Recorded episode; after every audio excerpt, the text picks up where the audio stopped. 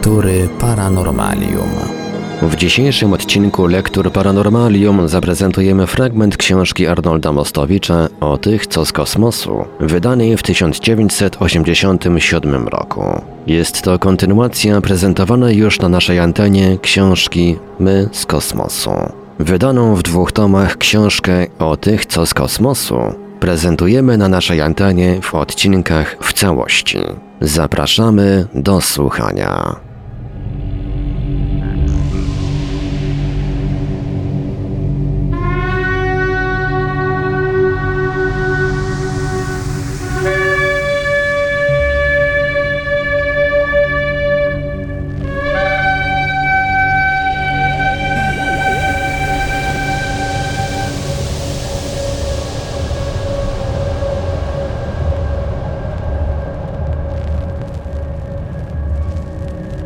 Rozdział czwarty Deus est machina. Książka, której treść postaram się zreferować czytelnikom w niniejszym rozdziale, jest jedną z najciekawszych pozycji poświęconych problematyce paleoastronautycznej. Jest też jedną z najlepiej i najsolidniej opracowanych. Jej autorami są Anglicy Rodney Dale i George Sassoon. Ukazała się ona w roku 1978, a jej tytuł brzmi The Manna Machine, czyli maszyna do produkowania manny. Kim są panowie Dale i Sassoon? Rzecz to, jak zawsze w takich wypadkach, nader istotna. Rodney Dale studiował w Queen College w Cambridge nauki przyrodnicze. Przerwał jednak te studia, by poświęcić się innej specjalności, a mianowicie konstrukcji maszyn. W 1963 roku otworzył wraz z Sassunem jedno z pierwszych w Anglii przedsiębiorstw zajmujących się planami rozwoju rynku. W firmie tej Rodney Dale jako inżynier specjalista zajmował się projektowaniem maszyn oraz kształceniem kadr. Od 1976 roku poświęcił się wyłącznie pracy edytorskiej. George Sassoon również studiował w Cambridge nauki przyrodnicze. Po ich ukończeniu poświęcił się, podobnie jak Dale, konstrukcji i projektowaniu maszyn. W założonym wraz z Dalem przedsiębiorstwie zajmował się projektowaniem maszyn elektrotechnicznych. George Sassoon jest równocześnie lingwistą oraz autorem szeregu prac z zakresu rozwoju techniki, które ukazywały się w wielu poważnych pismach specjalistycznych w Wielkiej Brytanii. Tyle jeśli idzie o prezentację autorów. Teraz kilka słów o ich książce, która jest próbą naukowego uzasadnienia tezy, iż biblijna manna była po prostu produktem wytwarzanym przez maszynę. Skomplikowaną, bo skomplikowaną, ale będącą przecież wytworem techniki, a nie cudu. Dodajmy zresztą, że nie tylko nazwiska obydwu autorów zapewniają, iż hipoteza, której sens zawarty jest w tytule książki, ma charakter jak najbardziej racjonalistyczny i par excellence naukowy. Zanim bowiem książka Sasuna i Dale'a ukazała się na półkach księgarskich Europy i Stanów Zjednoczonych, jej podstawowe tezy obydwaj autorzy zawarli w artykule, który na wiosnę 1976 roku pojawił się na łamach jednego z najpoważniejszych czasopism naukowych na świecie, New Scientist. Artykuł drukowany na trzech kolumnach nosił tytuł, który zapożyczyliśmy do niniejszego rozdziału Deus est machina, czy Bóg jest maszyną, i wywołał tak wielkie poruszenie, że zastanawiano się, czy aby nie jest to dowcip prima aprilisowy. W każdym razie i ranga pisma, i autorytet fachowy autorów spowodowały, że nie można było sprawy zbyć, jak to się zwykło było robić wzruszeniem ramion. Skoro zaś problemu wyśmiać nie było można, nad całą sprawą świat nauki przeszedł właściwie do porządku dziennego. Normalka. Książka Sasuna i Dale'a nie ogranicza się zresztą do udowodnienia zawartej w niej hipotezy, ale jest także analizą szeregu nakazów i zakazów religijnych czy obyczajowych zawartych w Biblii, a będących, jak twierdzą autorzy, następstwem tego kapitalnego i brzemiennego w konsekwencje faktu, jakim było otrzymanie przez Żydów uciekających z niewoli egipskiej skomplikowanej maszyny, która dostarczała im przez 40 lat racjonowaną żywność. Przypomnijmy, co na temat manny mówią teksty biblijne. Posługujemy się tu nowym przekładem z 1975 roku, wydanym przez brytyjskie i zagraniczne Towarzystwo Biblijne. Rzekł Pan do Mojżesza: Oto ja spuszczę wam jako deszcz chleb z nieba. I wyjdzie lud i będzie codziennie zbierał ile mu potrzeba, abym go doświadczył, czy chce postępować według prawa mojego, czy też nie. A gdy warstwa rosy się podniosła, oto na powierzchni pustyni było coś drobnego, ziarnistego, drobnego niby szron na ziemi. Gdy oto ujrzeli synowie izraelscy, mówili jeden do drugiego, co to jest, bo nie wiedzieli, co to było. A Mojżesz rzekł do nich, to jest chleb, który Pan dał wam do jedzenia. Oto co rozkazał Pan. Zbierajcie z niego każdy według tego, ile potrzebuje do jedzenia, omer na głowę. Niechaj każdy zbierze według liczby osób, które należą do jego namiotu. Synowie izraelscy uczynili tak i zbierali jedni więcej, drudzy mniej. A gdy to odmierzali na omery, ten, co zebrał więcej, nie miał nadmiaru, a ten, co zebrał mniej, nie miał braku. Każdy zebrał tyle, ile mógł zjeść. I rzekł Mojżesz do nich, niechaj nikt nie pozostawia z tego nic do rana. Szóstego dnia zbierali pokarm w dwójnasób, po dwa omery na każdego. Wtedy przyszli wszyscy przełożeni zboru i donieśli o tym Mojżeszowi. A on rzekł do nich, tak powiedział Pan, Jutro będzie wypoczynek poświęcony Panu, dzień sabatu. Przez sześć dni będziecie to zbierać, ale dnia siódmego jest sabat. W tym dniu tego nie będzie. A dnia siódmego wyszli niektórzy z ludu, aby zbierać, lecz nic nie znaleźli. I rzekł Pan do Mojżesza, jak długo będziecie się wzbraniali przestrzegać moich przykazań i moich praw? Patrzcie, Pan dał wam sabat, Dlatego daję wam też dnia szóstego chleb na dwa dni. Zostańcie każdy w swoim miejscu, niechaj nikt w siódmy dzień nie opuszcza swego miejsca. Odpoczywał więc lud dnia siódmego. Dom Izraela nazwał ten pokarm manną, a była ona jak ziarno kolendra biała, a miała smak placka z miodem. Księga Wyjścia, rozdział 16. Można oczywiście założyć, że cały ten fragment, jak i szczegóły dotyczące tego wydarzenia to fikcja, to wytwór fantazji nieznanego autora. Ale wiele faktów wskazuje, że nie jest to jedynie legenda. Zarówno teologowie, jak i historycy, analizując tekst biblijny, doszli do wniosku, że owa relacja dotycząca manny tkwi swymi korzeniami w rzeczywistości. Warto tu przytoczyć, co ma na ten temat do powiedzenia Wielka Encyklopedia Powszechna. Cytat. Manna. Według Biblii cudowna potrawa zrzucona przez Jachwę Izraelitom w czasie wędrówki po pustyni. Dotychczas utożsamiono biblijną mannę z białymi grudkami zakrzepłego soku tamaryszku, rozpowszechnionego na półwyspie Synaj. Przypuszczalnie jednak biblijna manna wiąże się z jadalnym porostem, znanym pod nazwą krusznicy. Koniec cytatu. A więc w książce tej mowa będzie o elemencie tradycji, który autorzy uznają za produkt wysoko rozwiniętej techniki, a w którym pewni uczeni widzą bądź grudki soku tamaryszku, bądź porost o nazwie krusznicy. W każdym razie wspólny dla obydwu grup jest pogląd, że manna to autentyczny produkt odżywczy, który dla pewnej grupy ludzi stanowią przez czas dłuższy zasadniczy pokarm. Jeszcze raz sięgnijmy do Biblii, w której czytamy następujący opis wydarzenia mającego dla dalszych rozważań Sasuna i Dale'a wielkie znaczenie. Cytat. Trzeciego dnia, z nastaniem poranku, pojawiły się grzmoty i błyskawice i doniosły głos trąby, tak, że zadrżał cały lud, który był w obozie. A góra Synaj cała dymiła, gdyż Pan stąpił na nią w ogniu. Jej dym unosił się jak dym z pieca, a cała góra trzęsła się bardzo. A głos trąby wzmagał się coraz bardziej. Mojżesz przemawiał, a Bóg odpowiadał mu głosem. A gdy Pan stąpił na górę Synaj, na szczyt góry, wezwał Pan Mojżesza na szczyt góry i Mojżesz wstąpił. I rzekł Pan do Mojżesza, zejdź, przestrzeż lud, by nie napierał na Pana, aby go zobaczyć, bo by wielu z nich zginęło. Koniec cytatu. Księga Wyjścia, rozdział 19. Przyznać trzeba, że opis to bardzo dokładny. Bardziej powiedziałbym realistyczny niż słynny opis wizji Ezechiela, która doczekała się wielu komentarzy, między innymi całej nawet książki z interpretacją inżyniera Józefa Blumrysia. Sassoon i Dale twierdzą, że opis spotkania Mojżesza z Panem jest relacją z wydarzenia o podobnym charakterze co wizja Ezechiela. Opis ten bowiem przypomina bardziej jakieś sprawozdanie ze startu czy lądowania rakiety niż objawienie się Boga narodowi wybranemu.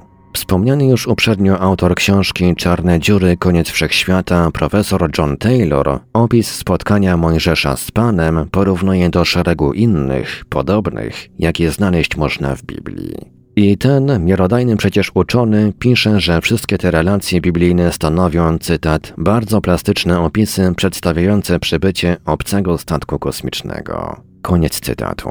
Nie są to opisy odosobnione w literaturze religijnej, czy też w przekazywanych ustnie mitach i legendach. Podobne relacje znaleźć można w mitologiach ludów, różniących się między sobą zarówno rodowodem kulturalnym, jak i predyspozycjami psychicznymi. Amerykański filozof Schiarella zauważył, że wszystkie religie charakteryzują wspólny rys. Ich mity, poza nielicznymi wyjątkami, opisują bogów jako istoty posiadające wygląd i kształt ludzki.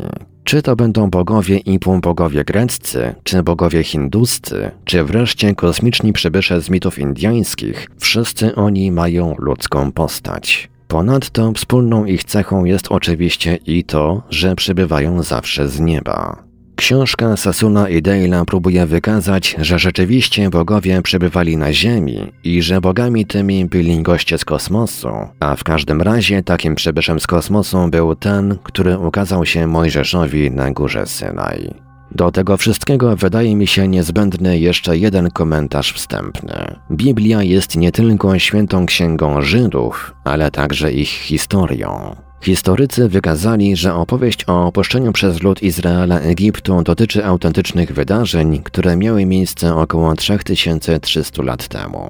Wprawdzie Biblia w Księdze Wyjścia wspomina o tym, że opuściło Egipt 600 tysięcy Żydów, ale tu wtrącają się fachowcy i obliczają, że w rzeczywistości uciekło z niewoli egipskiej 600 rodzin.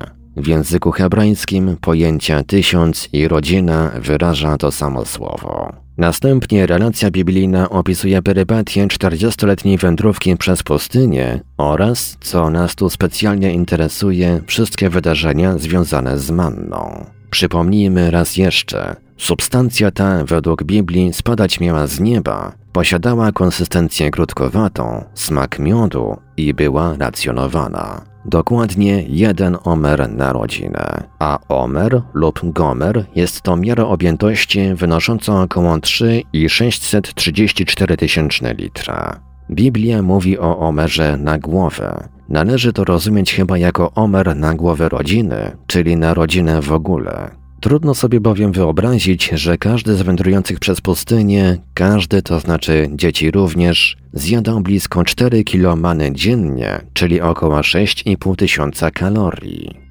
Biblia ponadto podaje, że w sobotę manny nie było, natomiast w piątek zbierający otrzymywali rację podwójną. Gdyby notabene manna była wyschniętym sokiem tamaryszku lub zwykłym porostem, to jak wytłumaczyć ów niezwykły fakt, że w sobotę przyroda dostosowywała się do zakazów religijnych i wstrzymywała dostawę swoich płodów?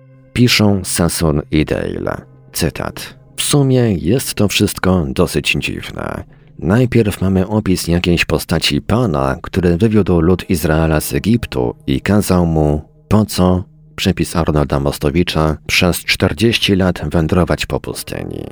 Następnie dowiadujemy się o mannie spadającej regularnie z nieba, która to manna towarzyszyła wędrującym po pustyni krok za krokiem, otrzymując jednocześnie jakże precyzyjny plan dostaw dziennych i tygodniowych. Koniec cytatu. Wracając jeszcze do prób identyfikowania manny z sokiem tamaryszku względnie z krusznicą, trzeba tu wspomnieć o innych argumentach przemawiających zdecydowanie przeciwko tej interpretacji, przyjętej, o ile mi wiadomo, przez niektórych teologów. Po pierwsze, ani tamaryszku, ani krusznicy nie ma na pustyni Synaj w takiej ilości, by można było je zbierać regularnie, dzień w dzień, i to w ilości mogącej zaspokoić głód trzech tysięcy ludzi. Oblicza się, że rodzina składała się przeciętnie z pięciu osób. Zresztą porosty rosną dosyć wolno. Roczny ich przyrost wynosi kilka milimetrów. Po drugie zaś, Biblia ani słowem nie wspomina o tym, że mannę można było zbierać z jakichś drzew czy krzaków. Po trzecie, manna miała zgodnie z Biblią również smak chleba, a nie samego cukru, jak to miałoby miejsce z sokiem tamaryszku. Podobnych wątpliwości jest zresztą znacznie więcej. O jeszcze jednej pozwolę sobie wspomnieć. Co to znaczy, że każda rodzina otrzymywała jeden omer dziennie? Znaczy to, jak już było powiedziane, że chodzi tu o racjonowanie. Czy można mówić, że jakiś produkt jest racjonowany, reglamentowany, jeśli można go zbierać, jeśli natura go dostarcza w stanie gotowym do spożycia? Jakże łatwo w takim wypadku naruszyć ów przydział jednego emeru na rodzinę. A jak wiemy, podopieczni Mojżesza nie należeli do najbardziej zdyscyplinowanych. Mimo to, wśród wielu zakazów czy upomnień, o których mowa w Biblii, nie ma ani jednego, który by przestrzegał przed zbieraniem większej ilości manny, czy powiedzmy przed jedzeniem w trakcie zbierania. Nie, o żadnym takim, jakże ludzkim wykroczeniu Biblia nie wspomina. Natomiast gdyby manna była dostarczana przedstawicielowi każdej rodziny w postaci żelaznego przedziału, wszelkie podobne nadużycie było niemożliwe.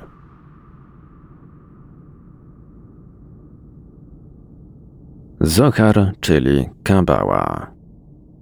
Stary Testament nie jest, jak wiadomo, jedynym źródłem do poznania historii Żydów tego okresu, jak też nie jest jedynym zbiorem dotyczącym religijnego prawodawstwa żydowskiego. Nie mówiąc już o dziełach ściśle historycznych, jak na przykład Józefa Flawiusza Starożytności Żydowskie, Wiele komentarzy do wydarzeń historycznych, jak i komentarzy religijno-doktrynalnych zawiera Talmud, którego ostateczna redakcja zakończona została około 200 roku naszej ery. W Talmudzie spisane są przekazywane ustnie przez setki lat komentarze do Biblii. Lecz nie wszystkie te uzupełnienia przekazywane z pokolenia na pokolenie zostały w ostatecznej redakcji Talmudu uwzględnione i uwiecznione.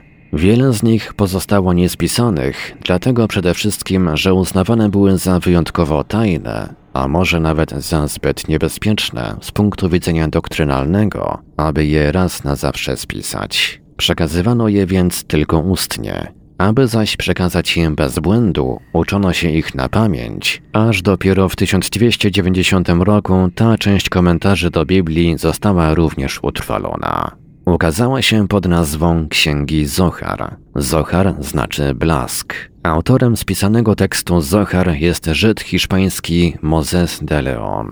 I właśnie ta księga, będąca podstawowym dziełem Kabały, Kabala to po hebrajsku tradycja, stanowiąca przekazywaną początkowo tylko ustnie interpretację prawa mozaistycznego, a także wykładnie pewnych faktów czy wydarzeń zawartych w Biblii, stała się punktem wyjścia dla fascynującej hipotezy Sasuna i Dale'a.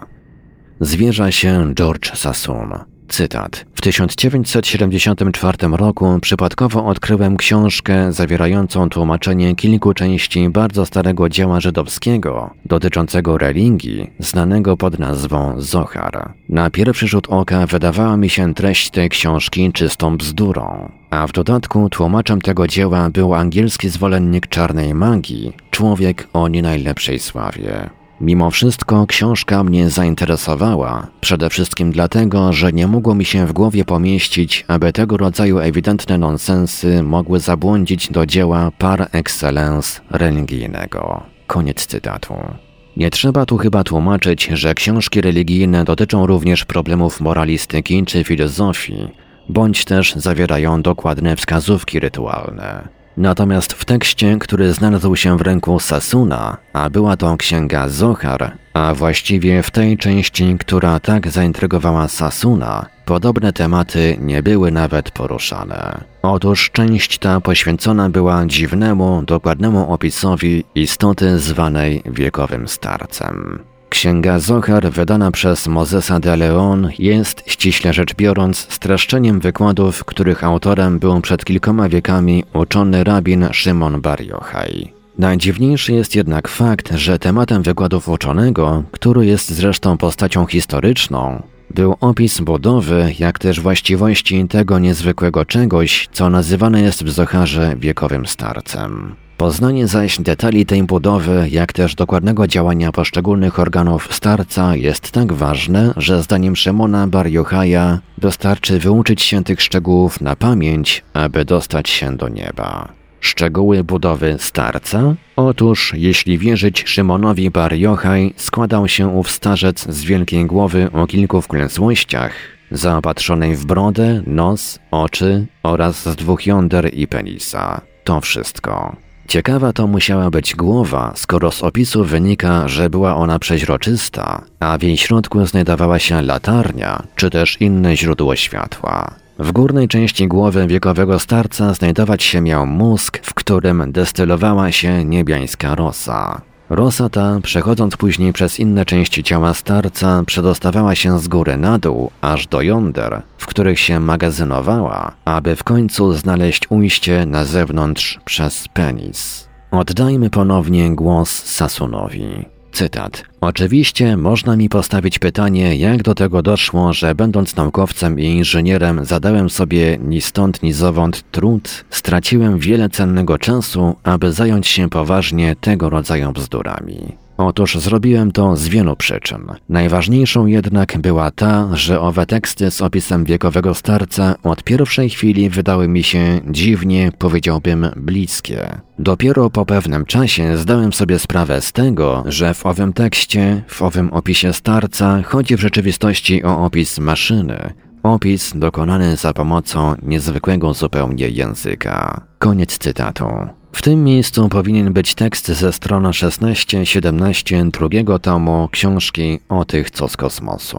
Niestety w drukarni pomylono tak samo ponumerowane strony obu części książek i w drugiej części książki powtórnie wydrukowano tekst, jaki był na stronach 16-17 w części pierwszej. Niestety nie można było powstałej luki uzupełnić, gdyż pierwsze wydanie tej książki było zarazem ostatnim. Pozwolą więc słuchacze, że te strony przeskoczymy. Tłumaczenie to, mowa prawdopodobnie o tłumaczeniu angielskim księgi Zohar z XIX wieku, było dokonane na podstawie tekstu łacińskiego pochodzącego z roku 1677. Autorem tekstu łacińskiego był niejaki Christian Rosenroth, mistyk rodem z Frankfurtu nad Menem. Tekst łaciński był oczywiście tłumaczeniem aramejskiego oryginału. Warto tutaj na marginesie tych informacji dodać, że ukazaniu się księgi Zohar towarzyszyło wiele komentarzy dotyczących źródeł, z których korzystał Moses de Leon pisząc swoje dzieło. On sam twierdził, że wszystkie teksty, z których składa się Zohar, spisał z ustnych przekazów, tych właśnie przekazów, które ze względu na swoją wagę nie weszły do Talmudu. Nie ulega zresztą wątpliwości, że materiały, na których opierał się autor, były rzeczywiście bardzo stare, a w swoim czasie, jak to już podkreślaliśmy, uznane były za informacje niezwykłej wagi. Zawierają tajemniczą wiedzę, której w całości nikt przez następne stulecia, aż po dzień dzisiejszy, nie zdołał w pełni rozszyfrować, co stało się przyczyną, iż przekształciły się w obiekt mistycznych spekulacji. Ta cała, w pewnym sensie niezwykła historia księgi Zohar nie pozostała bez wpływu na dalsze decyzje Sasuna i Dale'a. Sasun mianowicie wyuczył się języka aramejskiego i hebrajskiego, aby samemu dokonać tłumaczenia, należytego tłumaczenia, oryginalnego tekstu z końca XIII wieku. Dzięki temu zarówno on, jak i Dale odkryli w tekście Zoharu wiele szczegółów pominiętych przez poprzednich tłumaczy. Tekst aramejski Zoharu Notabene Sasun tłumaczył ten tekst z wydania, które w drugiej połowie zeszłego wieku ukazało się w Lublinie. Obejmuje zaledwie 50 stron druku, ale jego język jest niezwykle zwarty, wręcz telegraficzny. Z tych 50 stron wydania lubelskiego powstało 100 stron tekstu angielskiego Sasuna, który tłumacząc pokonywać musiał wiele trudności. Przede wszystkim tę polegającą na oddaniu w języku współczesnej techniki zawiłego, miejscami mistycznego opisu zawartego w książce o charakterze tak bardzo przecież religijnym. Wróćmy jeszcze na chwilę do pytania, które zadawali autorowi Zoharu jego współcześni. Skąd Moses de Leon czerpał materiał do napisania książki, powołującej się na wykłady Szymona Bar Jochaja sprzed kilkunastu wieków? Otóż Sassoon i Dale znaleźli dowody świadczące, iż autor Zoharu należał do swego rodzaju tajnego stowarzyszenia, a takich stowarzyszeń było wówczas mnóstwo, którego celem było ustne przekazywanie tajemniczej wiedzy, jaką miał Mojżesz otrzymać od Pana na górze Synaj. Takie ustne przekazywanie wiedzy ważnej dla utrzymania religii było dla Żydów swego rodzaju samoobroną. Samoobroną przed prześladowaniami, jakich ofiarą padały również ich święte księgi, które przez wieki całe niszczono i palono. Wiedza utrwalona w pamięci ludzkiej, przekazywana z pokolenia na pokolenie, mogła w ten sposób ocaleć przed wrogami Izraela.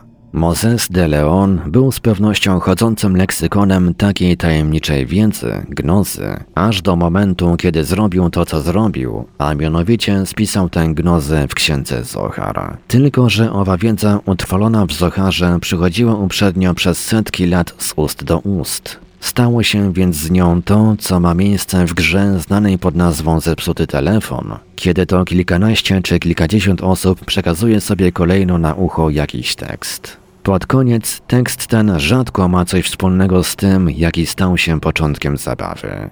Poza tym w gnozie istotna jest formułka jako gwarancja właściwego przekazania tajemniczego sensu.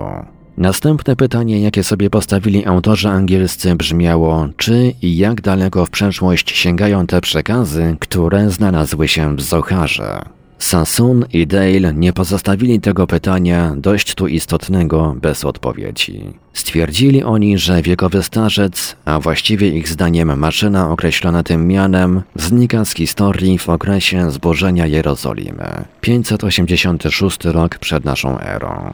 Od VI więc wieku przed narodzeniem Chrystusa pojawiać się zaczynają komentarze ustne. Od tego okresu, aż do chwili, gdy Moses de Leon wydał swoje dzieło, upłynął czas życia około 60 pokoleń. 60 pokoleń to bardzo dużo, jeśli idzie o przekazanie jakiejś tajemniczej wiedzy. Wobec tego jednak, że była to wiedza o szczególnej wadze, wiedza niezwykle istotna dla religii mojżeszowej, można założyć, że zostało zrobione wszystko, aby telefon możliwie dobrze działał, aby rzadko był zepsuty, Jednym słowem, aby teksty owej tajemniczej wiedzy przekazywane były dokładnie i aby poświęcili się temu ważnemu zadaniu ludzie specjalnie do tego przygotowani. Dlatego, powiadają Sassoon i Dale, mimo upływu tak wielu lat sądzić należy, że tekst Mozesa de Leon nie bardzo odbiega od tego, co rozpoczęto przekazywać 18 wieków wcześniej. To, że Sasun nauczył się języka aramejskiego, pozwoliło mu podejść do tekstów księgi Zohar w sposób całkowicie odmienny od metod jego poprzedników. Poprzednicy ci byli najczęściej religioznawcami, mistykami, teologami. On zaś, George Sassoon, był inżynierem, konstruktorem o sposobie myślenia zupełnie odmiennym. Dlatego udało mu się, i to dość szybko, rozszyfrować tekst, nad którym inni łamali sobie głowy, nie dochodząc do celu. Bowiem nie religia była potrzebna, a jeszcze mniej mistyka, by zrozumieć, ale technika. Dodajmy jeszcze tytułem informacji, że ta część Zoharu, gdzie mowa jest o wiekowym starcu, składa się z trzech części. Noszą one następujące tytuły. Wielki Święty Zbiór, Mały Święty Zbiór oraz Księga Tajemnic. Owe trzy rozdziały stanowią zresztą, jak już powiedzieliśmy, niewielką część Zoharu. Reszta to rozważania typu moralnego.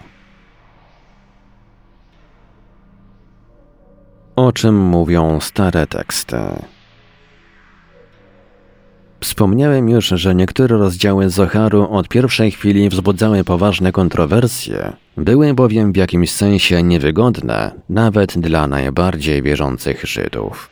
Dowodem tego jest m.in. fakt, że Encyklopedia Judaika, potężne 17-tomowe dzieło, gdzie znaleźć można wszystko, co dotyczy żydostwa i wiary mojżeszowej, Zoharowi poświęca wprawdzie 11 stron, ale ani słowem nie wspomina owych fragmentów, w których mowa jest o wiekowym starcu. A przecież nad tekstem tym w ciągu wielu wieków łamali sobie głowy najtężsi kabaliści i talmudyści. Piszą Sasun i Dale, cytat. Kiedy już całkowicie przekonani byliśmy o słuszności naszego odkrycia, to znaczy, że pod postacią wiekowego starca opisana jest maszyna, przypis Arnolda Mostowicza, i o tym, że właściwie rozwikłaliśmy tę podstawową zagadkę, nagle z całą wyrazistością uświadomiliśmy sobie następujący dylemat. Czy mamy naprawdę istotę naszego odkrycia zachować dla siebie i świat pozostawić w słodkiej niewiedzy, czy też powinniśmy postąpić inaczej? Na szczęście przypomniało wówczas o sobie nasze wykształcenie, jak też i przekonanie, że dociekanie prawdy powinno być sprawą najważniejszą i że zatajenie takiej prawdy do niczego dobrego nigdy prowadzić nie może. I tak doszło do napisania tej książki. Koniec cytatu. Gdybym chciał w pełni, bez reszty, uwierzytelnić twierdzenie Sasuna i Dale'a, że opis wiekowego starca jest w rzeczywistości opisem maszyny, musiałbym każde zdanie z Zoharu zestawić z interpretacją angielskich specjalistów. W książce The Manna Machine jest tych cytatów z Zoharu mnóstwo i zaprezentowanie ich tu wszystkich zajęłoby naprawdę zbyt wiele miejsca. Postaramy się to uczynić w odniesieniu do fragmentów najistotniejszych. Zresztą cały ten zabieg miałby wartość względną, jako że przecież cytaty z Zoharu w książce Sasuna i Dale'a są angielskim tłumaczeniem z aramejskiego, a ja z kolei musiałbym te cytaty angielskie tłumaczyć na polski, jako że aramejskiego rzecz jasna nie znam. Autorzy maszyny do produkowania manny niemałą część swojej książki poświęcają na wyjaśnienie językiem technicznym każdej z opisanych przez Zohar części starca, przy czym robią to nader skrupulatnie, przedstawiając także ewentualne opinie przeciwne. Rozumowanie autorów nie zawsze jest łatwe do prześledzenia, jako że język Zoharu jest arcyzawiły. Oto przykład takiego opisu w Zoharze. Przykład zresztą o tyle istotny, że stał się punktem wyjścia dla hipotezy Sasuna i Dale'a. Cytat. Trzy głowy są wydrążone, jedna znajduje się w drugiej i jednocześnie nad pozostałą. Jedna głowa jest mądrością, ta jest najbardziej ukryta. Mądrość ta jest wielka, jest to najważniejsza ze wszystkich mądrości. Istnieją trzy górne głowy, albo czaszki, przypis Arnolda Mostowicza, dwie głowy i jedna, w której się znajdują. Koniec cytatu. Nie należy się więc dziwić, że w podobnych opisach mistycy studiujący kabałę szukali jakiegoś ukrytego sensu. Sasun i Dale mistykami nie są. Bez trudu rozwiązali zagadkę owych czaszek czy głów. Czaszki oznaczają także czasze lub wydrążenia. Dwa, jeden nad drugim, znajdują się w trzecim. Jeśli zaś górna czaszka nosi nazwę najważniejszej, to prawdopodobnie dlatego, że tam rozpoczynał się proces produkcji. I jeszcze jeden ważny przykład, który warto tu przytoczyć. Nie tylko dlatego, iż dowodzi on, jak słuszna jest hipoteza głosząca, że w opisie wiekowego starca chodzi w rzeczywistości o opis maszyny i, jak się przekonamy za chwilę, o opis maszyny produkującej właśnie mannę, ale także i dlatego, że udowadnia, jak płodne jest podobne tłumaczenie w zrozumieniu i wyjaśnianiu samej genezy niektórych obyczajów religijnych. Kiedy uczony Szymon Bar Yochai leżał już na łożu śmierci, próbował w kilku zdaniach streścić istotę tajemniczej wiedzy, którą nauczał. Cytat. Wszystkie świętości pochodzą z górnej głowy trzech czaszek. To błogosławieństwo płynące w naczyniach ciała, aż osiąga ono organy zwane wojskiem albo jądrami. Pozostaje tam tak długo, aż zostanie nagromadzone i przechodzi stamtąd do świętego początku. Jest ono białe i dlatego nosi nazwę łaski. Łaska ta znajduje się w przenajświętszym przybytku, jak powiedziane jest w psalmie. Niebiańska rosa z głowy spada do czaszki i tam jest przechowywana. Z rosy tej mielą mannę sprawiedliwych dla przyszłego świata. A tylko w pewnym określonym czasie z owej rosy tworzy się manna. Czas ten był wtedy, kiedy lud żydowski wędrował przez pustynię. I wówczas odżywiał go w ten sposób wiekowy starzec, a potem nie można go było odnaleźć. Powiedziane jest, rzekł Pan do Mojżesza, oto ja spuszczę wam jako deszcz chleb z nieba. Koniec cytatu. Zwracam szczególną uwagę na ten ostatni cytat z Zoharu. Bez przesady można stwierdzić, że streszcza on właściwie wytłumaczenie całego owego niezrozumiałego tekstu i zadaniem Sasuna i Dale'a było wyciągnąć z tego wyjaśnienia wszystkie, nawet ostateczne wnioski, a mianowicie co oznacza łaska czy błogosławieństwo, czym był wiekowy starzec i kto był Panem. Z jednej strony mamy więc powołanie się na teksty biblijne mówiące o mannie, którą Żydzi żywili się podczas swojej wędrówki po pustyni, a z drugiej tekst znacznie mniej znany, który przez blisko 2000 lat uważany był za tajny, który był przekazywany ustnie i to tylko specjalnie wybranym. I właśnie ten drugi tekst stwierdza, że manna była z jakiejś rosy, która zbierana była w górnej czaszce, w górnym zbiorniku, istoty określanej jako wiekowy starzec, co oczywiście jest zupełnym nonsensem. Następnie zaś przepływała przez jego ciało z góry na dół, aż znalazłszy się w wojskach. Nawet określenie tego miejsca jako jądra też jest nonsensem, chyba że chodzi tu również o zbiorniki i wydostawała się na zewnątrz przez początek, chodzi tu o penis starca. Ostatnia część tego opisu oznacza prawdopodobnie odpowiedni kran. Skoro manna była przez 40 lat jedynym pożywieniem wędrującego przez pustynię ludu Izraela, zaopatrzenie w nią było niezwykle ważnym problemem. Przecież bez codziennego zbierania manny ludzie pomarliby z głodu. Nic więc dziwnego, że codzienna porcja tego pożywienia była uważana za dowód łaski Bożej, Bożego błogosławieństwa. A z tego ostatniego faktu wyciągają Sasson i Dale wnioski bardzo daleko idące. Dotyczą one zarówno treści pewnych modlitw żydowskich, czy też pochodzenia niektórych obrzędów, względnie rytuałów, jak na przykład Komunii Świętej. Modlitwa Ojcze Nasz opiera się na podobnej modlitwie pochodzenia mozaistycznego i zawiera prośbę o chleb powszedni, a więc codzienny. Codzienny? Czyżby dlatego, że codziennie rano wydzielana była manna?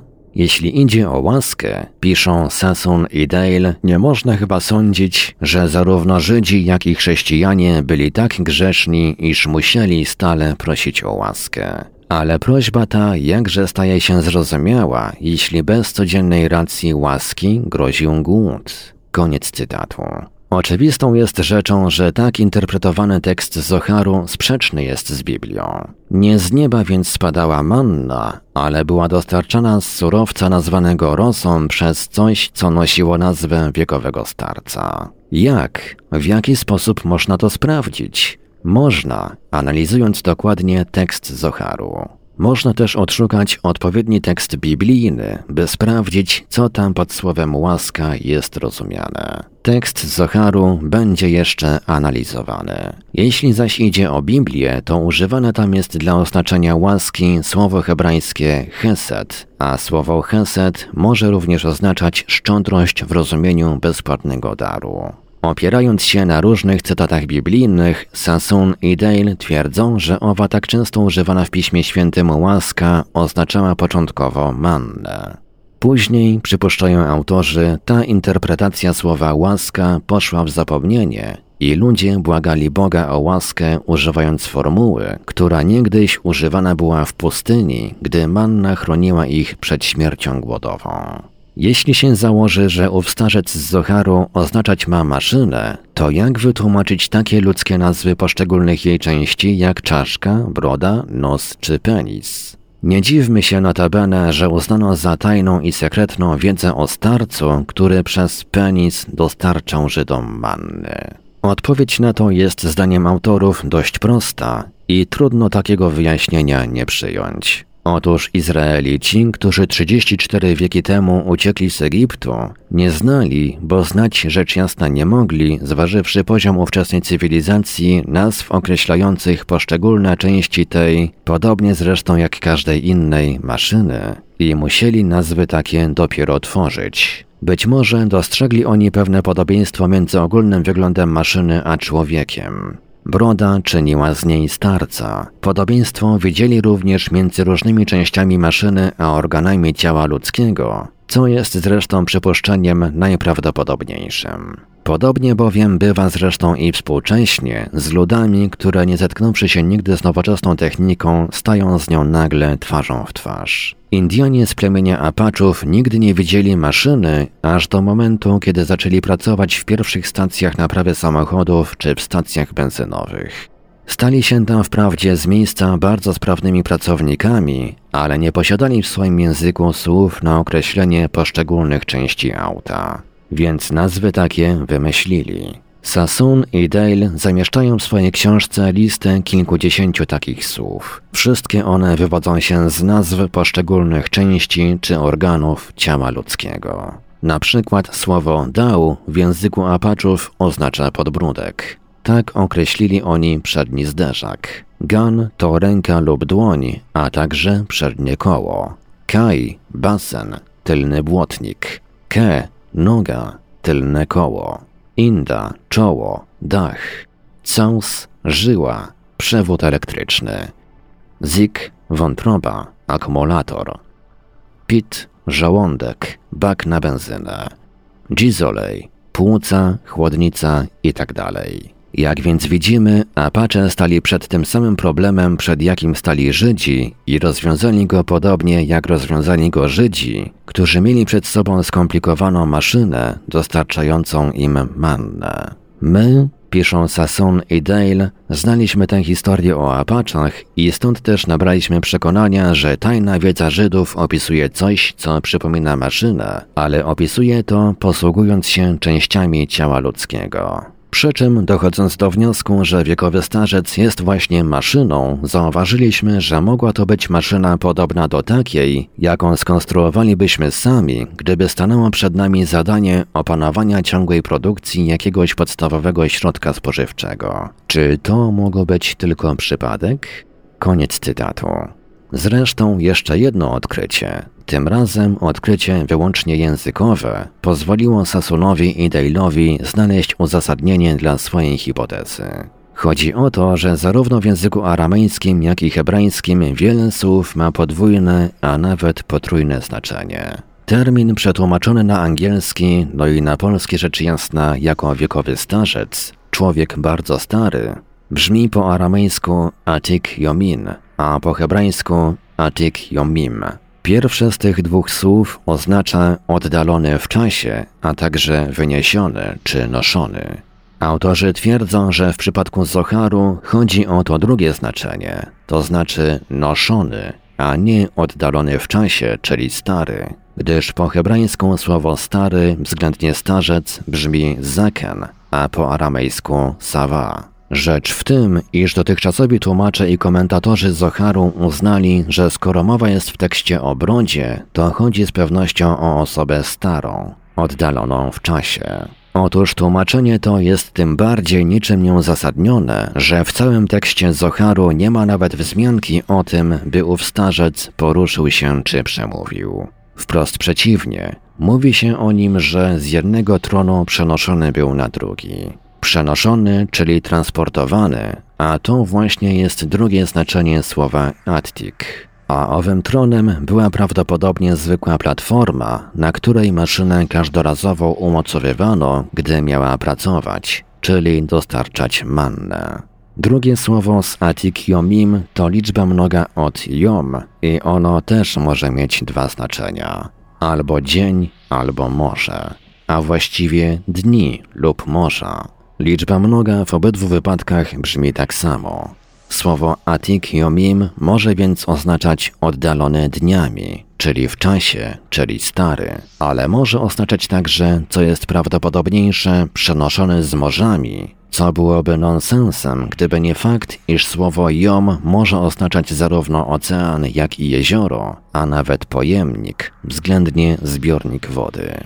Wynika to choćby z opisu świątyni Sakmiona, gdzie znajdował się zbiornik z wodą na ablucje rytualne, określony w Biblii słowem Jom.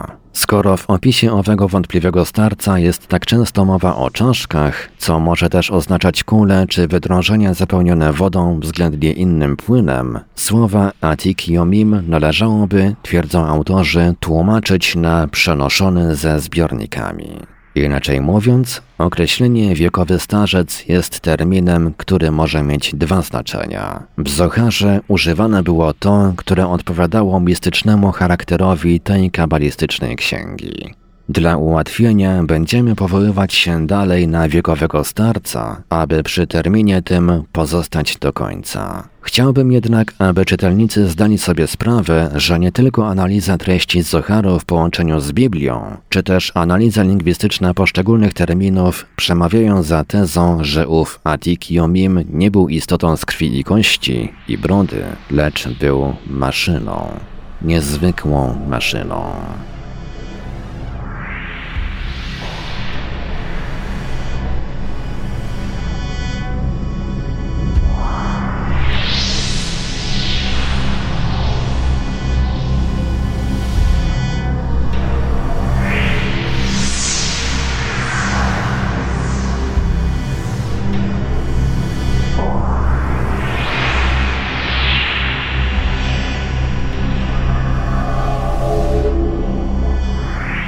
Radiu Paranormalium zaprezentowaliśmy fragment książki Arnolda Mostowicza o tych, co z kosmosu. Dalszy ciąg w następnym odcinku Lektur Paranormalium.